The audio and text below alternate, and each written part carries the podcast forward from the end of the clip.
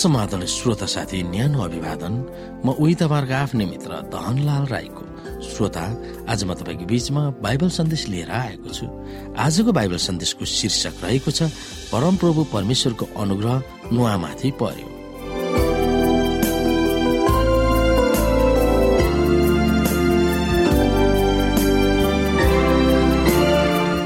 श्रोता यस पृथ्वीमा रहने तर स्वर्गको सम्पत्तिलाई खोज्ने प्राय जसो मानिसहरूको जीवनमा ठूलो र मुख्य परिवर्तन ल्याउन परमेश्वरले आह्वान गर्नुभएको पाइएको छ। त्यही परिवर्तनमा सहभागी हुन आवश्यक भएमा तपाईँ हामी पनि तयार हुन सक्दछौ। हामी यहाँनिर उत्पत्ति छ अध्यायको पाँचदेखि चौधमा हेर्यौँ भने नुहाको बारेमा लेखिएको छ। परमेश्वरको आज्ञा अनुसार चल्दा नुहाको जीवनमा के आमूल परिवर्तनहरू ल्याउनु परेको थियो? संसारमा आउने विध्वंसको बारेमा चेतावनी दिनु पर्दा हामीमा के कस्तो परिवर्तन गर्नुपर्ने नीतिहरू त्यस वृत्तान्तमा हामी लिन सक्छौँ? त्यो विषयमा हामी हेर्छौँ।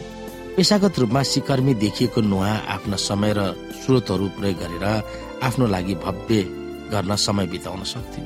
तर जहाज बनाउन परमेश्वरले नुहालाई निर्देशन दिनुहुँदा उनले एक सौ बिस वर्ष त्यही काममा लाग्न आफ्नो जीवनमा उग्र परिवर्तन ल्याउन उनले रोज्न पुगेका थिए। विश्व जलप्रलय केवल पुराण वा काल्पनिक मिथ हो भनेर त्यसलाई विश्वास गर्न धेरैले पन्छाएको हामी देख्छौँ। प्राय जसो मानिसहरूकै अनुमानित विज्ञानका आधार बनाउँदै प्रकृतिको नियममा विश्व जलप्रलय भएको देखाउँदैन भनेर तिनीहरूले दावी गर्छन्। यो कुनै नौलो कुरा होइन। जलप्रलय हुनुभन्दा अघि शताब्दीसम्म मानिसहरूले यो तर्क गरेका थिए। प्रकृतिका नियमहरू स्थिर छन् र त्यो परिवर्तन हुन सक्दैन। त्यही नियमका आधारमा मौसमहरू एकपछि अर्को गएका छन्। अथवा आएका छन्। त्यस नियम अनुसार यस पृथ्वीमा पानी कहिले पनि परेको छैन र पृथ्वी सिद्धे भिजेको छ। नदीहरूले आफ्ना सिमानाहरू छोडेको छैनन् बरु समुद्रमा ती नदीहरूबाट सुरक्षितसँग पानी बगिरहेका छन्। प्रकृतिकै नियम अनुसार नदीको पानी आफ्नो किनारा भन्दा बाहिर बगेका छैनन् भनेर त्यस बेलाका लोकप्रिय वैज्ञानिकहरूले सिकाएका थिए। जनप्रले भन्दा अघि मानिसहरूको गलत बुझाइले गर्दा बाढी कहिल्यै पनि आउँदैन भनेर तर्क गरेका थिए। जलप्रलयपछि पनि तिनीहरूको गलत बुझाइको आधारमा विश्व जलप्रलय कहिले पनि भएको थिएन भनेर तर्क गर्दछ। बाइबलले भन्दछ सूर्यमणि केही कुरो पनि नौलो छैन भनेर। उपदेशक एक अध्यायको नौमा। त्यसै अनुसार जगतको अन्त्यमा हुने विभिन्न घटनाहरूलाई औल्याएर संसारको अन्त हुँदैछ भनेर सुनाउँदा जलप्रलय भन्दा अघिको मानिसहरूले जस्तै आफ्ना कानहरूलाई बहिरा पार्दछन्। हामी दुई पत्रुस तीन अध्यायको तीनदेखि सातलाई हेर्न सक्छौँ। आउने विनाशको निम्ति हामी कसरी तयार हुन सक्छौँ र भनेर तिनीहरूले विवाद गर्छन्। त्यसले गर्दा हामीले जे हुनेछ त्यो ढिलै भए तापनि सन्तोष भएर धैर्यता साथ परमेश्वरले खटाउनु भएको काम गरिरहनु आवश्यक भएको हामीले ठान्नु पर्दछ। भविष्यमा परमेश्वरले महिमित इनाम दिनुहुनेछ तर अहिले परमेश्वरको काम गरिरहन हाम्रो विवेकलाई झर्को मान्न दिनुहुन्न। यसो कहिले फर्किनुहुन्छ सो हामीलाई थाहा छैन।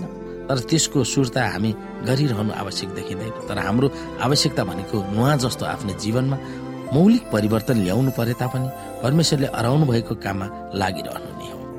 यहाँ हामी दुई पत्रुसको तीन अध्यायको तीनदेखि हेर्न सक्छौ। सर्वप्रथम तिमीहरूले यो बुझ्नुपर्छ कि पछिल्ला दिनहरूमा गिल्ला गर्नेहरू गिल्ला गर्दै तिनीहरूका आफ्नै अभिलाषामा यसो भन्दै आउनेछन्। उहाँका आगमनको प्रतीक्षा कहाँ गयो? किनकि पिता पुर्खाहरू सुतिसकेका दिनदेखि नै सबै कुरा सृष्टिको सूर्यदेखि चलि आए जस्तै आज पनि छँदैछ। जानी बुझिकन पनि तिनीहरू यस कुराको वास्ता गर्दैनन् कि परमेश्वरको वचनद्वारा स्वर्गहरू अघिदेखि नै थिए र पृथ्वी चाहिँ पानीबाट र पानीद्वारा नै बनाइयो। त्यही पानीबाट त्यसको संसार जलप्रलयमा डुबेर नष्ट भयो। तर त्यही वचनले भक्तिहीन मानिसको इन्साफ र विनाशका दिनसम्मको लागि अहिलेको आकाश र पृथ्वी आगोको निम्ति साँची राखेका छन्। श्रोत साथी यदि नुहालाई जस्तो तपाईँ हामीलाई पनि उग्र परिवर्तन गर्न परमेश्वरले बोलाउनु भयो भने तपाईँ के तयार हुनुहुन्छ? धेरै थोरै कुरामा हामी इमान्दार भएर काम गरिरहन आवश्यक छ भनेर यसले हामीलाई यसरी बताउनु भएको छ।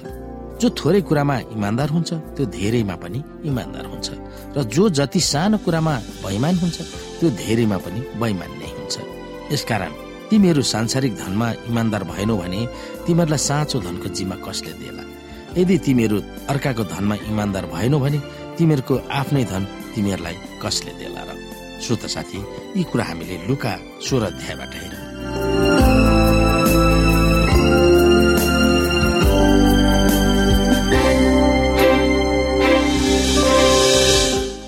आजको लागि बाइबल सन्देश यति नै। हस्त नमस्ते। जय मसिंह।